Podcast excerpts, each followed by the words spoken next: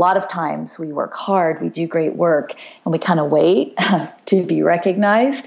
And that, that doesn't work out so well. So we have to be able to, in a way that maintains that brand, right? We're, we do not want to be seen as obnoxious or bragging about ourselves all the time, but we still have to find a way to promote our work so that people see us as the right person for the next step as you're thinking about that journey to your perfect job. Welcome to the Women Inspired podcast, where together we explore ways to live our most joyful, aligned, vibrant lives. On this podcast, we draw inspiration from the lessons embedded in other women's stories, and we use them to catalyze our own growth and success. And we explore concepts and techniques from the fields of psychology and design thinking that can help us thrive and make the most of the one and only life we're ever going to have. My name is April Seifert. I'm a psychologist, an entrepreneur, and a self proclaimed life experience junkie, and I'm your host and friend along this journey. This podcast is supported by Modern Well, a woman centered co opportunity workspace in Minneapolis, Minnesota. Friend, it is time to start living vibrantly, by design, and with intention. Here we go. Hey, friends, welcome back to the Women Inspired Podcast. My name is April Seifert, and I am your host, and I'm so excited to bring to you this week's interview. This week, you are going to meet a woman named Carla Howard. Carla has a day job, like many of us do. She works for a corporation, and we're going to talk about that during her interview.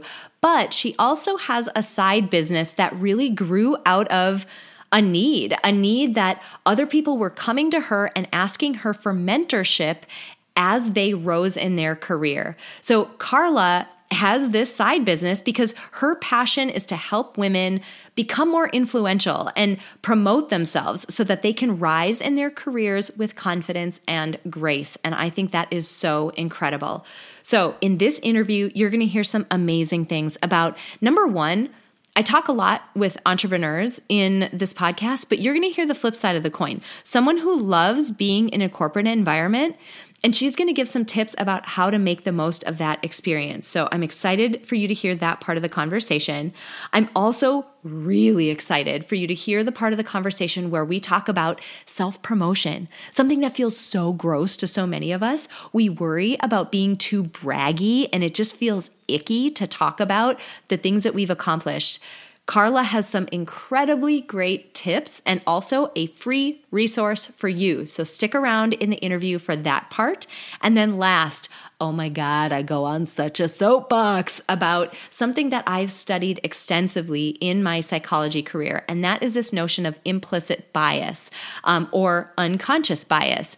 I'm just going to leave it at that. I'm just going to leave a little cliffhanger there. Just know that we're going to have a really great conversation about how that affects all of us and what we can do about it and how we can start to just calm down about the whole situation, but make some really meaningful improvements. So there's so much in this week's episode. I can't even stand it, but it is so actionable and going to be so powerful. So please stick around. Amazing resources at the end. And I can't wait for you guys to meet Carla Howard.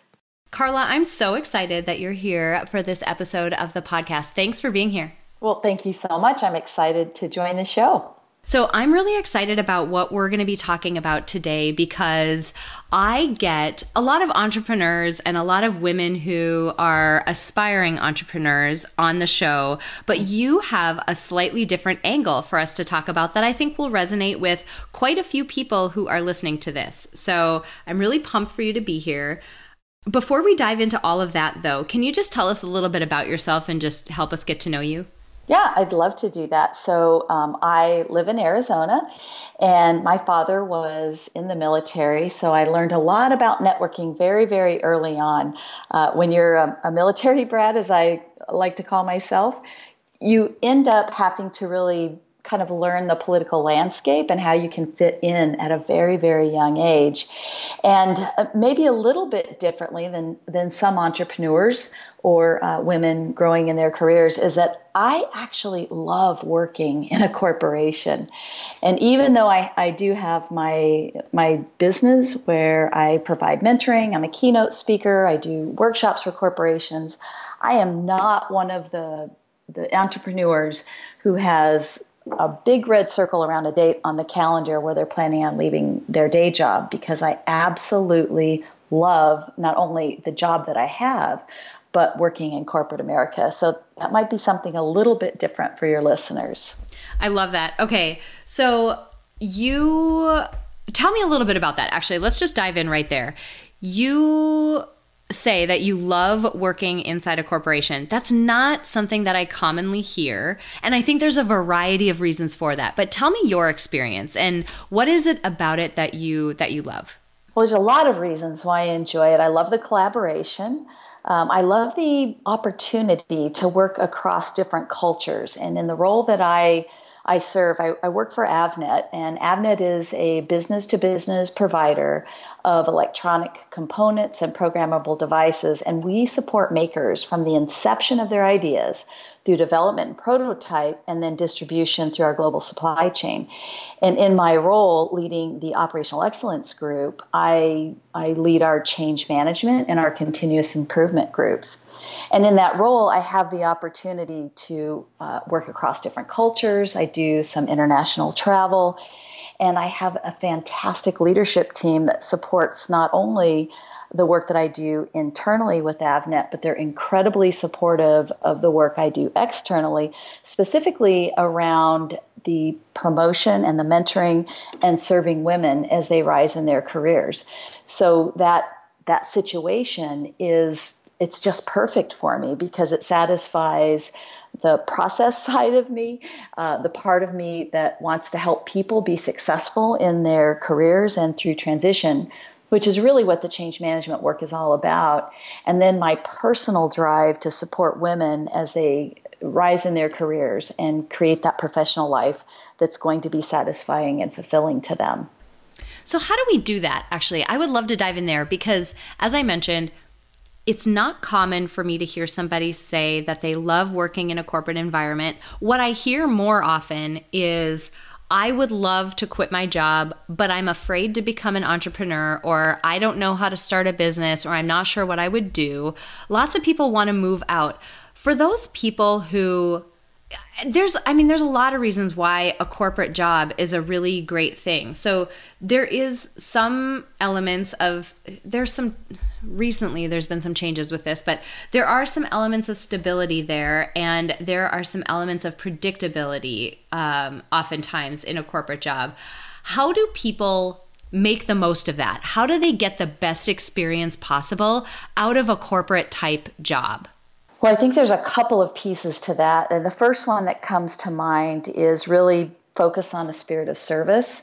Um, I always talk with my team about, you know, we have to find a way to say yes, and that can be very, very difficult. But if people are coming to you with a problem to solve, telling them who else they can go to to solve the problem is not what's going to get you to that next level or to be seen as someone who has the answers or has the thought process that's going to help figure out the answers. So, always finding a way to say yes, even if it's a different yes than maybe that person came with. Uh, the other thing that I think is incredibly important, and we forget about this, is really focusing on our personal brand. And by that, I mean there, there's it's kind of a tired phrase, so I almost hate saying it out loud. But you know, when I think about brand, I think about what do people expect from me? When they see me walking down the hall, what is it they're going to expect when I enter a meeting room? Am I going to be disruptive? Am I going to be argumentative? Am I a good listener? Uh, will I be the one who's focused on solution? And the way that we interact, every single interaction, every conversation that we have drives what people are going to expect from us. And the same thing is true of the way that we dress and even the expression on our faces you know if if you're always rushing down the hall and you're kind of going breakneck speed and you look frazzled, you don't appear strategic. So it's all the parts and pieces that make us who we are and really being thoughtful about, you know, what is it that I want to do? What would my dream job look like? And what kind of a product, if I were a product, is going to get me to that position? And then every single thing that you do, say, wear, everything in your day should be deliberate so that you are creating that product that's going to create the life that you desire to lead. So I think that's an important piece. And then something that I think women really struggle with is this ability to really showcase their work. Um, you know, a lot of times we work hard, we do great work, and we kind of wait to be recognized, and that that doesn't work out so well. So we have to be able to, in a way that maintains that brand, right? We're, we do not want to be seen as obnoxious or bragging about ourselves all the time, but we still have to find a way to promote our work so that people see us as the right person for the next step as you're thinking about that journey to your perfect job. That's so interesting. Um, a couple of things that I want to hit on there. The personal brand piece is really interesting. And something that I like to work with people on is something called life design, where you take a human centered design approach to figuring out you know how you want your life to be structured whether that is your your career whether that's relationships whether that's hobbies other things and what I think is interesting about this personal brand uh, notion, and you're right, that does get thrown around a lot, but it is still useful to talk about. Um, what I think is interesting about that is there's a giant opportunity within that to figure out number one, who are you at your core? Like at your core, what are your values and what's important to you? And then what does the best version of you look like? And using that information, like starting there, who are you at your core and what do you look like when you're at your best? Construct a personal brand from there because it gives you a really clear picture then of um, how you want to be uh, projecting yourself and how you want others to see you. And two, how you want to show up so that you can look back and say, I'm proud of how I handled that, even if it wasn't perfect. And even if I didn't make that other person perfectly happy, I lived in accordance with my values and I stood up as the person that I want to be, that personal brand that I want to be. And that feels really good. So I definitely wanted to call that out. Um, but the other piece is actually a direction that I would love to go is that where you're hinting is, and where you're starting to move is in this direction of not waiting to be recognized and being more proactive about telling other people about some of the incredible things that we're doing and the accomplishments that we have. So, self promotion in a nutshell. That's so hard. yeah. it's so hard to do. It feels gross. We feel like we're bragging. Um, can you talk to me a little bit about that? Like, how what's the experience of people you've worked with? Is that the experience they've had? And how do we do it in a way that doesn't feel so yucky? Yeah, I think that's a great question, and and it, it can it can feel really yucky, and I think the thing that makes it feel that way or we fear coming across that way is we've all had that experience where someone is constantly talking about themselves, what they want to do, how great they are, and we know how that makes us feel, right? And we don't want to be that person. Uh, the good news is is there's not two choices you know, we don't either not say anything or we're an obnoxious jerk, right? There is definitely some middle ground there. And when I think about doing this in an organization, uh, a couple of things. I think you got to start with why. You know, why is it that showcasing your work is important to you? So, in other words, why would rising in your organization matter to you? And that gets back to what you're talking about, April you know, at your core, what is it you want to achieve? What's important to you? What are your values? So, why would rising matter? Uh, because that's going to help you recognize who are the people that you most want to serve and how can you improve their lives by doing that and even if you're in a corporation that isn't in the the healing arts or in the medical field you know I, you know i'm a perfect example right I, I work in a technology company but I love helping people uh, rise in their careers. I'm a coaching leader. And so having the opportunity to be a coaching leader really fills my cup, right? So that's one of the reasons why rising and moving into a leadership uh, position is so important to me. Uh, but we're all going to have different reasons, but getting really clear on that is going to be the, the very first step. And then you want to think about how would you having increased visibility help you serve them better.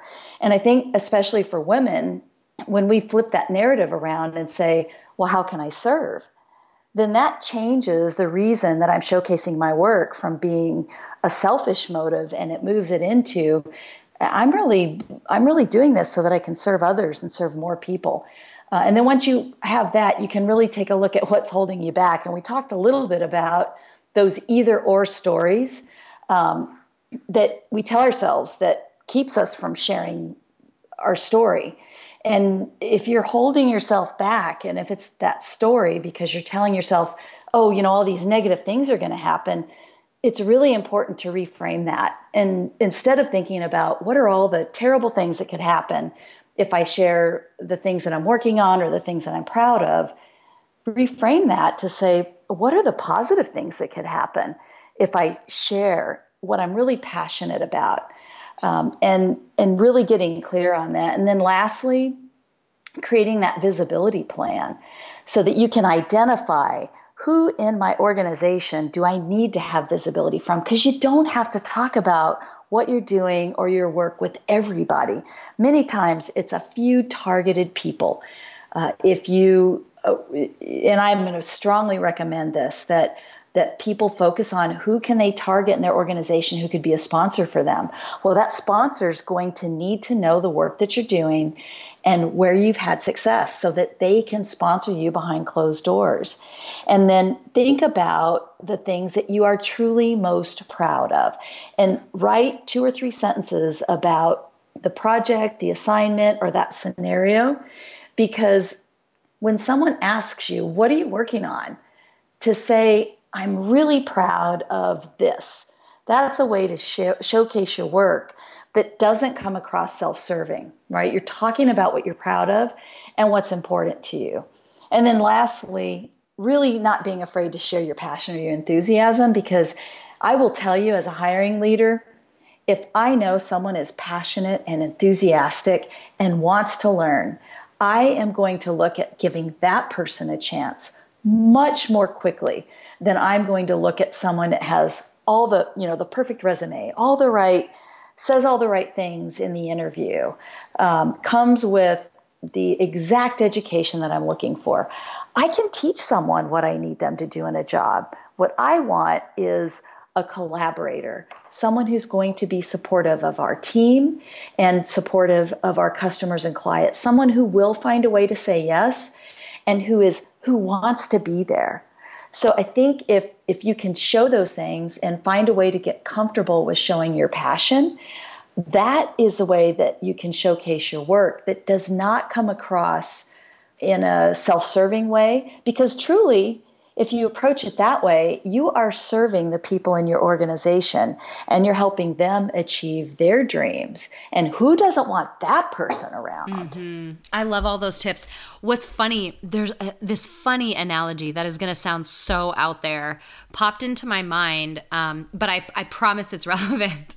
So, as we were talking about, you know, this the importance of self promoting and the importance of talking about your accomplishments and not waiting to be recognized, the analogy analogy that popped into my head is um, one that highlights something in psychology called the spotlight effect. So think about you know, many of us have joined a gym in the past, right? Like lots of times, maybe at the beginning of the year or for some other reason, people join a gym. This is where this is going to seem out of left field. I promise it's relevant. So you you join a gym and lots of people, not everyone, but lots of people feel intimidated about going into certain parts of the gym. Maybe it's the free weights part of the gym, right? Like, I don't know what I'm supposed to do with dumbbells or a barbell. I feel dumb being here. There, you know, that might be intimidating. Or maybe it's the area of the gym with all the complicated weight machines. Like they're worried they don't know how to use them. Or maybe it's the cardio machines. Like, how do I even turn this thing on and make it do what I want it to do? The reason why we feel intimidated is because of this spotlight effect. We think everyone's looking at us, we think everyone's paying attention to us, but in reality, all of them are in their own little bubble too.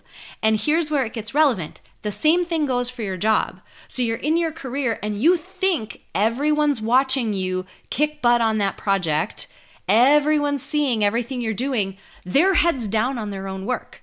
They're worrying about their own deadlines, their own responsibilities, the meetings they have coming up.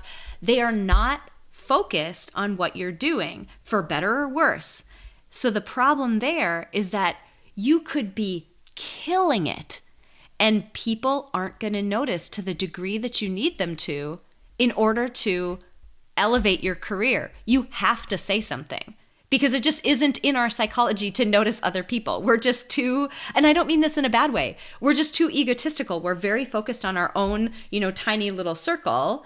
Um, and so it, it's important to self promote. Yeah, it, absolutely. You're absolutely right. I mean, think about it.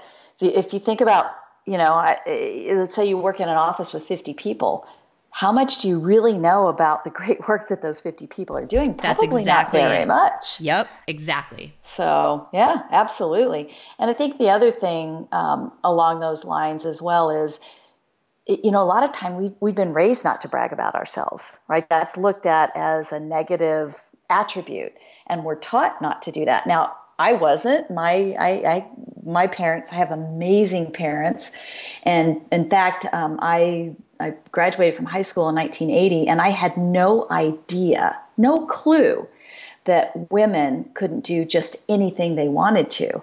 Um, and, and at that time, you know, there was there was a few careers pretty much open, but I didn't know that, and I actually didn't realize it until I got into corporate America and started looking around. I'm like, where are all the women?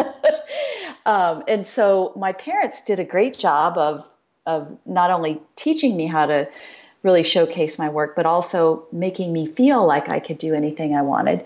Um, and I think, you know, this is a thing for women. We have to reprogram that don't talk about yourself message that we we may have heard uh, growing up and reprogram that so that we're talking about ourselves appropriately and we're adding value. And if you're really focused on here's the value I'm bringing and here's the value I can bring to you, um, it does not come across as self promoting.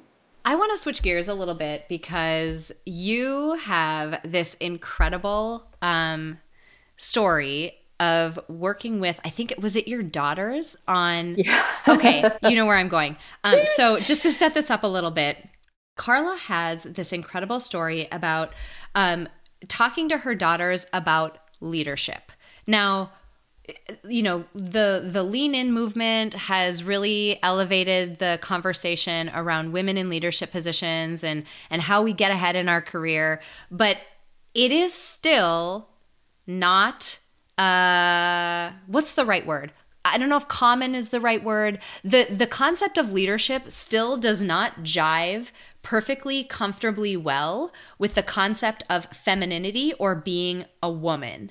Um, this is something that I did my actually we were chatting before we hopped on to record. This is exactly what I did my dissertation work on in my PhD program. Um, and things, you know, haven't really changed since then. And I would love for you to tell the story of that conversation and exercise you did with your with your daughters about leadership and what you learned from that and then what you did with that information. Yeah, so that I'm laughing because it was such a surprise. So I read an article in the New York Times uh, by Heather Murphy, and the title of it caught my attention. It was Picture a Leader, Is She a Woman? And I thought, well, that's kind of odd. There's a lot of, you know, there's a lot of women leaders out there. So I read the article, and in there, in the article, she shared that when asked to draw a picture of an effective leader, both men and women almost always draw pictures of men. And there were a few pictures of men in the article, and I thought, I don't know, you know, I wonder. I think my I think my daughters would draw a picture of a woman. So, and it's kind of I thought, well, it's kind of leading the witness too, right? Because here's here's their mom. She's a leader. I'm asking you to draw a picture of a leader. So my my daughters are uh, 28 and 32. And in fact, my younger daughter actually works with me at Avnet. So I'm like, okay, that even colors the the playing field even more. Like, there's no way she's not going to draw a picture of a woman. And both of them drew pictures of men. I was floored. That's amazing. So, oh my gosh! It just I was like, "Are you kidding me? Your your mother's standing here asking you to draw a picture." Right. Uh. So then I asked my granddaughter. I thought I've got to see what my granddaughter does. So I I asked Jocelyn to draw a picture of a leader, and she drew a picture of people moving boxes. And it was kind of hard to tell if they were men or women. So I said, Jocelyn, can you explain that picture to me? And she goes, Sure, Emma. These people are moving boxes, and this man, he's the leader. Wow. And I said, I know. I was like, no. So I said, Jocelyn, do you think it's possible for a woman to be a leader of those people moving boxes? And she looked at me and said, no. And I said, well, why not? And she said, well, because you have to be strong to be a leader. Oh, that just crushed my soul. I know. And I, I, uh, I'm not kidding you. The, the, the, the switch flipped in my head and I thought, oh my gosh, I, first of all, I have to do something. And B, we can do better than this. We can do better than this. So um, I started thinking about it. It wouldn't leave me. It wouldn't leave me. And I applied to do a TEDx uh, presentation, which I did. I did it in Austin. It's it's online um, on YouTube. It's under my name, or you can Google "Picture a Leader." Is she a woman? I'll just link that. And, I'll link it up on your show notes page. Okay, great. Thank you. And the feedback is chilling. Like I have women and men sending me pictures that their daughters and their sons draw. And I mean, we, we have to ask our sons these same questions because boys should see themselves as leaders, no doubt about it. They absolutely must. But if we're going to change this trajectory that we're on, they also have to see women as leaders. and I don't agree. think I don't think it's that we're um, we don't think women are capable.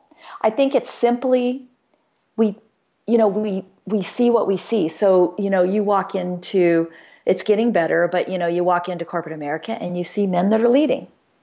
Uh, kind of a funny story. Our our CEO um, at Avnet, Bill Amelio, uh, shared that at a presentation I was at the other day that he asked his daughter to do the exercise, and she drew a picture of a of a man, and his wife is a CEO of a of a of a huge successful nonprofit.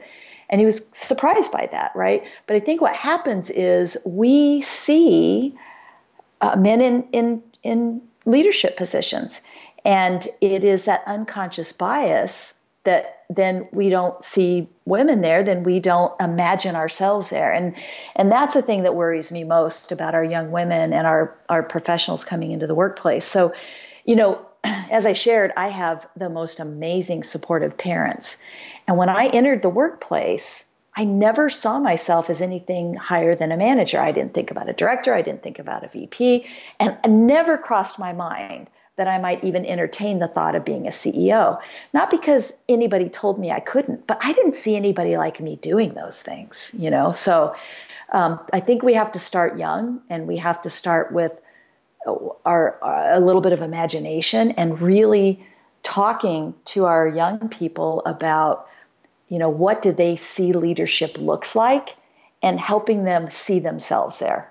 I love this. Okay so on the unconscious bias piece i'm gonna like jump on a mini soapbox here for a second. Uh, i'll try to be brief.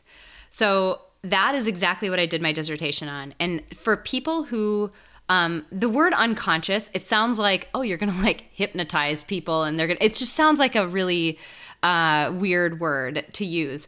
All that that means is that there's parts of our brain that we control with like we deliberately control them. So this is like um, if I tell you to add two numbers together, you're going to do a deliberate process where you're going to really think. It's the thinking that we control.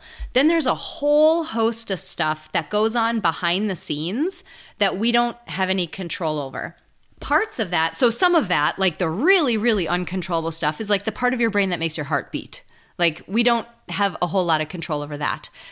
Um, then there's this this level of cognition this Im, this unconscious implicit some people call it level of cognition that the only like all it does is it runs off of associations it says okay in the things that I've seen and read and noticed in the world around me, when this thing is there, this other thing is there, they must be associated. Like if you repeatedly are shown over and over and over and over and over, men in leadership positions, women carrying babies, men in leadership position, women carrying babies. Think back to like sitcoms in the 70s and 80s. You'll see it like crazy. You still see it now. it still exists now, which is why this still persists with your grandkids, right?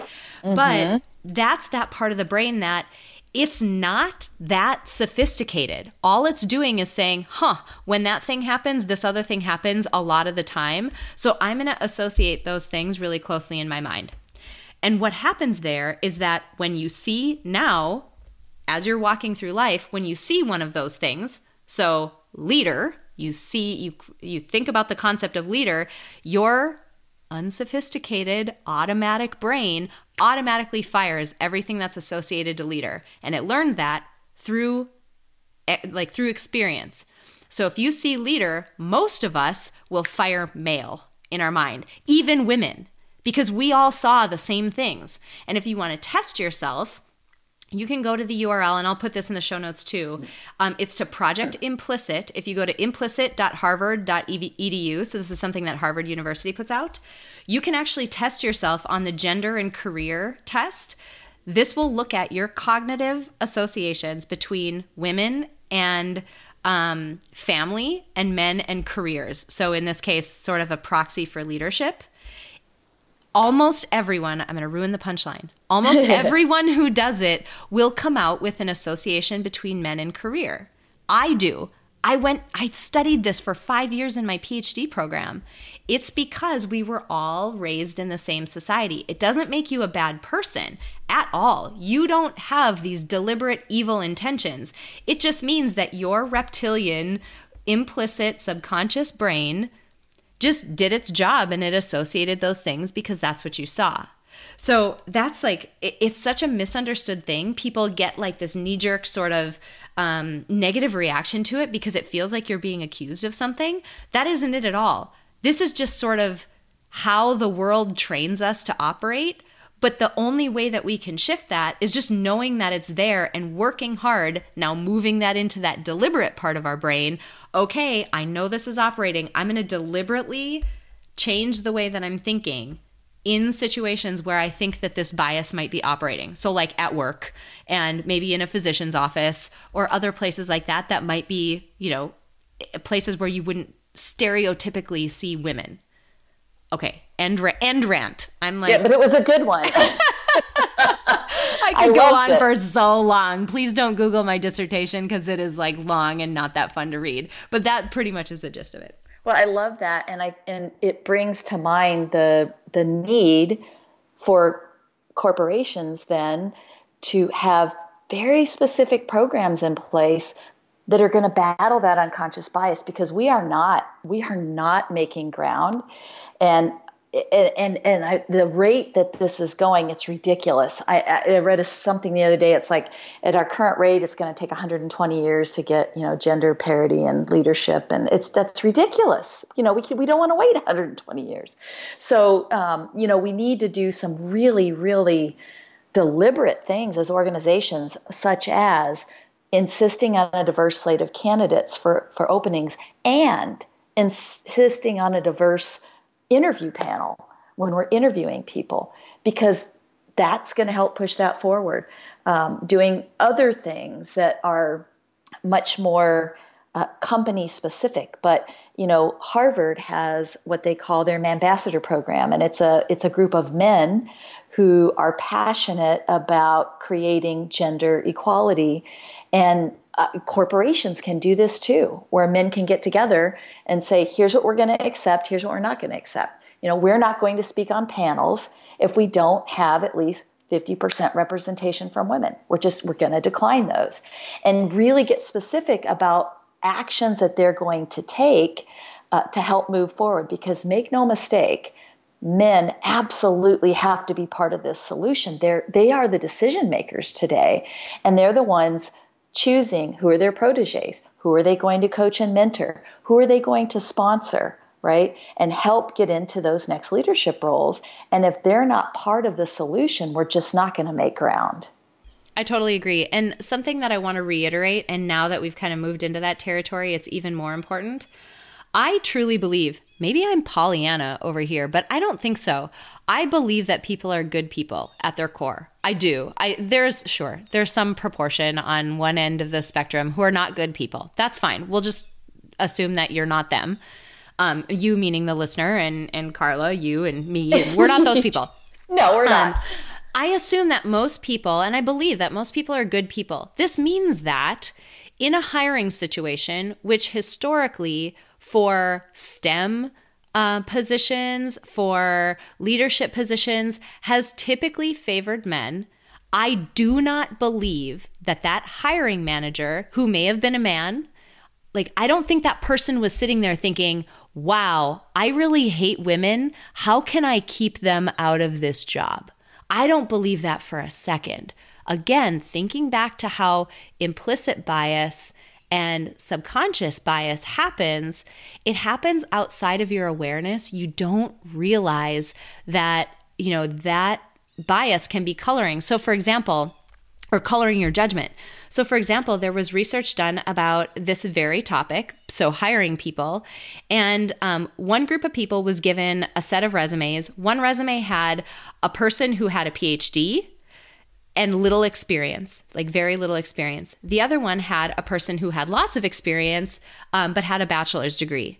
And depending upon which group of participants you were in, it was either the woman who had the PhD and the man who had the experience, or vice versa. And in all cases, the man was most likely to get hired, and the justification for why they hired shifted depending upon where the man was. So if he had a PhD, it's wow, this guy has an advanced degree. Clearly, we need to hire him. He has some advanced knowledge over her. If it was the man who had more experience, they would downplay the importance of that PhD and say, well, but what we really need is someone with hands on experience. and again, I don't believe that those people were sitting there thinking, man, I hate women. How do I keep from hiring them? I don't think so. It's that implicit bias that was saying, hey, leadership positions and math and engineering, that's associated with men. And it just makes you gravitate there. So it's yeah. so powerful that we don't realize it, it's so powerful and it's so hidden to us. And again, you're not a bad person because it's happening. It happens to everyone. We just need to chill and acknowledge that it's happening. And then we can actually do something about it and we can actually have our behaviors be in accordance with the good people that we are inside is really the biggest goal that I have for all of this. Yeah, no, I totally agree. And I, I, I, you know, listen, I have to say, I've, I've worked at several different companies and I have worked with amazing people, great leaders. I've had great opportunities and that's why I'm where I'm at. And I, I, I agree with you. You know, people, I think the vast majority are just good people. Um, and when we put these programs in place, even things like masking the names on interview, you know, a lot of a lot of companies will say, "Hey, you know, I've got an open rec," and then you get the interview. Or, I'm sorry, you get the resume, and there's no name on it, or it's masked out. You can't tell if it's a man or a woman, and then you decide who you're going to move forward with. And the really, really good news is that when we when we move in this direction we're helping men too because you think about it and i know april you just you know recently had a child. It wasn't too long ago that there was really no such thing as paternity leave. I mean there was maternity leave and women could stay home and bond and okay that's gotten better too. But like guys would have to take vacation. Like you didn't even get a week to be home with your new baby. So, this recognition that people are people and we have the same needs within the family is helping men as well. Um, one of the programs that I think is just such a great idea for uh, organizations to invest in is this idea of a returnship program. And that's much like an internship program where you have when mid-career professionals have been out of work for at least five years because they've been in a caretaking role, it, it gives them, you know, that internship kind of a of an experience where they can come into an organization, uh, learn some new you know technologies, tools, kind of get their resume beefed back up, and either stay there at that organization or move on to another organization, and that's going to benefit our men too. Um, it's going to benefit mothers, uh, women who stay home to care for their their parents or their children or a loved one, but it's also going to benefit the men who find themselves in that situation. So I'm I'm particularly keen on uh, programs and solutions that don't just pinpoint women, but say, hey, listen, we're all people, and you know, let's make sure that our needs are met. We've got to work, and work should be a good place. It should be a place we enjoy coming to and we all feel supported and that our opportunities are open to us. Hmm. That's wonderful. Uh, I could keep talking to you all day, and this could really end up being, you know, the longest episode of my podcast ever. But um, we can't we can't do that. So um, I know this is going to be a topic that people might want to, you know, learn more about and learn more about you and the work that you're doing. So where can people find you online to just stay in touch? Yeah, no, that's great. So um, I am on LinkedIn, uh, Carla Howard. I'd, I'd, love to hear from your listeners there, and please do include a message letting me know where we connected. That you you heard this podcast. I do have a website as well, the professionalwomansmentor.com, and you can email me at carla at the professionalwomansmentor.com. Um, I do keynote presentations and workshops, and I, I have a limited number of one on one mentoring that I do for professional women. And then just one um, thing that I thought I would offer to your listeners, April, is I do have a worksheet. It's called Showcase Your Work, where we walk through uh, the different steps that you can take to do that promotion, not self promotion, but really showcasing your valuable work in a way that's going to help build your brand. And I'd be glad to send that to your listeners. Um, I'll, I'll send the information over to you so that you can include a button for them to shoot me an email, and I'm happy to send that over. That's awesome. Um, for folks who are, you know, interested in this topic, I would highly encourage you to uh, reach out to Carla to get that worksheet. We were talking about it a little bit before um, we hopped on to record, and it. Um, it, it just sounds like such a great resource. And not only that, but it sounds like a really methodical way of going through, um, you know, doing something that can be really, uh, really difficult for us put it that way. So it can be something that's that's tough for us to do to think about how we can make ourselves more visible. Um, before actually i close out this interview there's a couple of things you know carla for your knowledge too and for people listening. If you're interested in this topic there's a couple of other interviews that i did that i absolutely want to highlight it's funny because they were back to back. Episode number 15, I interviewed a woman named Meredith Jones. She um, is a hedge fund money manager, and she wrote a book called Women of the Street Why Female Money Managers Generate Higher Returns and How You Can Too. Um, it was such a great conversation that followed a very similar track about her experience in an industry that is super not you know dominated by women at all. It is like it is it's a very um you know male heavy industry and she's had uh, just amazing experiences as a result of that. So I had to highlight that. And then also, um, episode 16 is with a woman named Jen Hunt. She was actually my PhD advisor, which is oh, awesome. Oh, yes. Um, but she gets into some of this implicit stuff and she actually does this amazing work with the impact of on young girls of showing them princess imagery versus superhero imagery. So, as a woman who has two daughters, this was very uh, interesting for me to hear, but really cool research. How to plug those two episodes. If you're interested in what we've talked about today, you'd really love those two episodes. So, episode 15 and 16 of the podcast um, are really great ones too. Um, Ms. Carla, this has been phenomenal. Like I said, I could talk to you for the rest of the day, uh, but I know that both of us have things that we need to do, as do my listeners. So I just want to say thank you. Your work is so powerful. It was so great of you to take the time to chat with us today and, two, to offer that PDF to my audience. I think that's just a great asset. So thank you so much for being here today.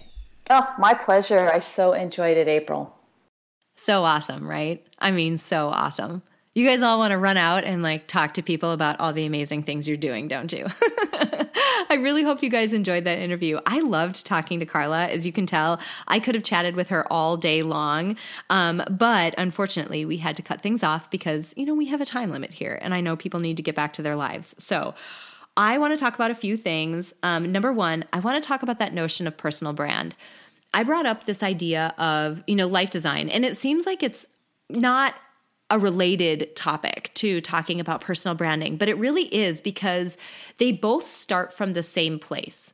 They both start from a place of self awareness and extremely honest self awareness. What are your values as a person? What are your strengths as a person? What are your weaknesses? Let's be honest, we all have them. What are they? And what do you look like when you're at your best? If you start by gathering those four pieces of information, your personal brand will begin to take shape. Who is it that you want to show up as every single day? Are you going to get there every day? Probably not. I mean, nobody can do anything 100%.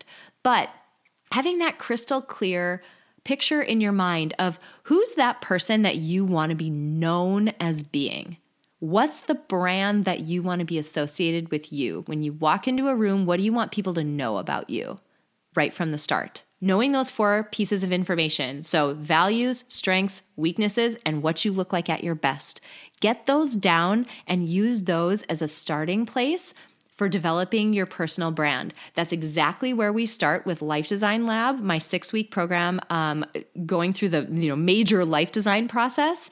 Um, that's exactly where we start in that program, and that's where I think you should start with this personal branding information or this personal branding process.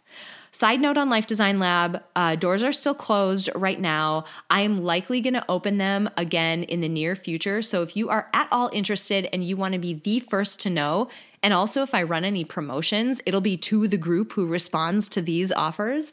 Um, head over to my website. You can hop on the Life Design Lab uh, waitlist from my website, and you'll be the first to know when the doors open. And you'll also be the people that I send offers to. So, just FYI, if you're at all interested in that, I'd get on that list. The second thing that I want to talk about is self promotion. Oh my God, it can be so hard to do. I talk on this podcast every single week. I sit here and run my mouth on this podcast every single week, and it is still so hard for me to talk about the things that I'm accomplishing and the things that I'm proud of. It's really difficult. And so please know that if you're out there and you're thinking, this is hard for me, like this is a really difficult thing for me to do, I see the importance, but it's hard. Just know that it's hard for all of us. And that's why I'm really excited that Carla is offering the, you know, worksheet, the PDF that she is because it's such a valuable thing when somebody can take a really hard, icky process and just make it systematic for me. Like, okay, all I have to do is just write down my accomplishments. I'm going to start there. That's not scary. I can do that. When somebody can systematize something for you, it just makes a lot of the, not all, but a lot of the difficulty go away. So I'd highly suggest you take Carla up on that offer. Um, and I also want to highlight again, we talked about it during the interview, but that notion of a spotlight effect. Please think about this notion in a variety of contexts in your life. So, lots of times I've gotten to the point now where I'll do something that people would, you know, normally consider embarrassing in a in a public situation and lots of times I'll think to myself, no one's looking at me. I mean, no one is paying attention to me. Half of them are on their phones. They're not even going to see it. And even if they do, I'm never seeing these people again. I don't know any of these people. So think about that notion of the spotlight effect and how many aspects of your life that can play into and the impact it has, right? So in the gym, think about there, places you're intimidated to be. The reason why you're intimidated is you think people are staring at you and judging you. They're not looking at you. They're looking at your phone or they're worried about themselves. They feel intimidated too. So, situations like that, like the gym, they're not looking at you. You don't have to be embarrassed. Situations at work, totally different context, same you know same uh, topic at hand the spotlight effect you think everyone sees the accomplishments that you have they're not looking at you they're doing their own projects. They're worried about their own deadlines. They don't see it. You have to tell your boss the accomplishments that you've made. And if you get the opportunity to meet with someone over your boss, you have to take that opportunity to tell that person. Take those opportunities because that is what's going to help you elevate your career. And then last, you know, we had that conversation about unconscious bias. The thing that makes me so passionate in that area is that notion that people are not you know it's it, it, goes so much back to radical responsibility. I talk about it all the time right? And this is a beautiful example of it. I talk about how you are 100% responsible for 100% of the situations you find yourself in. So here we all are right? We've all grown up in the you know in the culture that we have. Many of us are in the united states. Even if you're not many of us are in cultures where leadership is associated with men. It just is. We see lots of men on TV and in our lives and our family members and all these places. This is why, you know, Carla's daughter and granddaughters drew dudes when she asked them to draw a leader. It is not your fault that you are in this situation. Radical responsibility. It's not the same as fault. You are not to blame. You are not to blame for being here. You didn't put that information in your own brain. Especially here, I hope if there are guys listening to this, please listen to me now. I don't look at you even though I am super into, you know, gender egalitarianism and all of these topics, I don't look at any guy and think, wow, that guy's the enemy. Man, he has it out for women.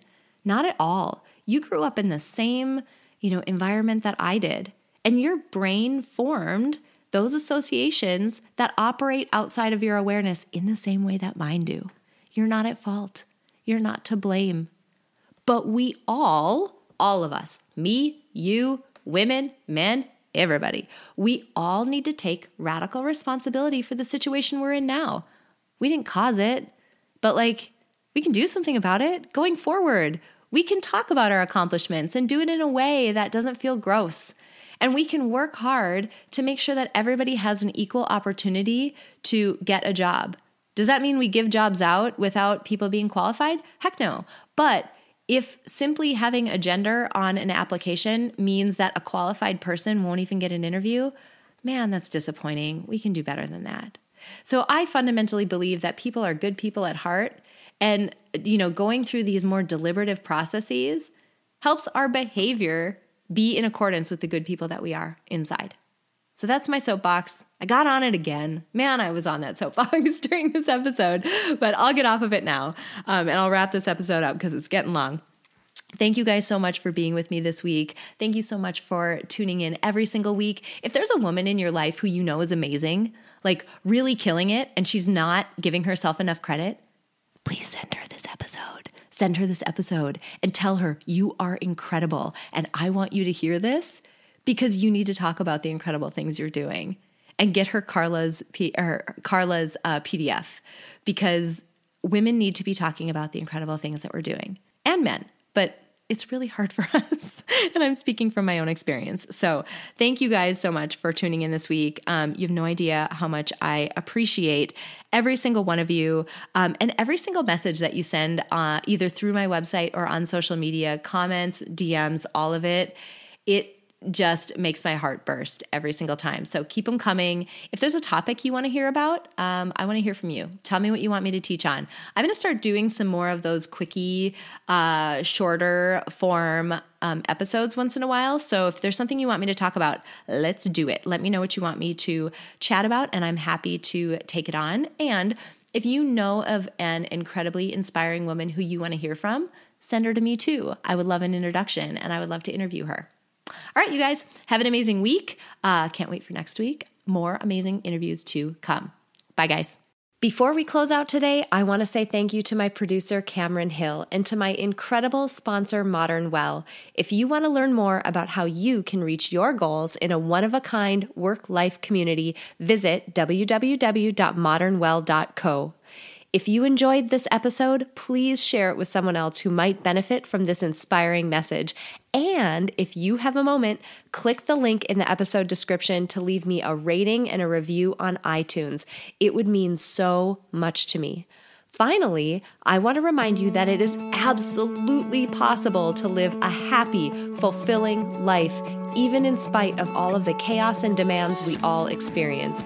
Sign up at aprilseifert.com to gain access to tools that will help you do just that. I have carefully created and curated a set of tools that combine the powerful fields of psychology and design thinking to help you intentionally create a fulfilling, happy life you love. Thank you so much for joining me this week, and until next week, stay inspired. At Parker, our purpose is simple we want to make the world a better place by working more efficiently, by using more sustainable practices, by developing better technologies. We keep moving forward. With each new idea, innovation, and partnership, we're one step closer to fulfilling our purpose every single day. To find out more, visit parker.com/purpose. Parker, engineering your success. As humans, we're naturally driven by the search for better. But when it comes to hiring, the best way to search for a candidate isn't to search at all. Don't search, match with Indeed. When I was looking to hire someone, it was so slow and overwhelming.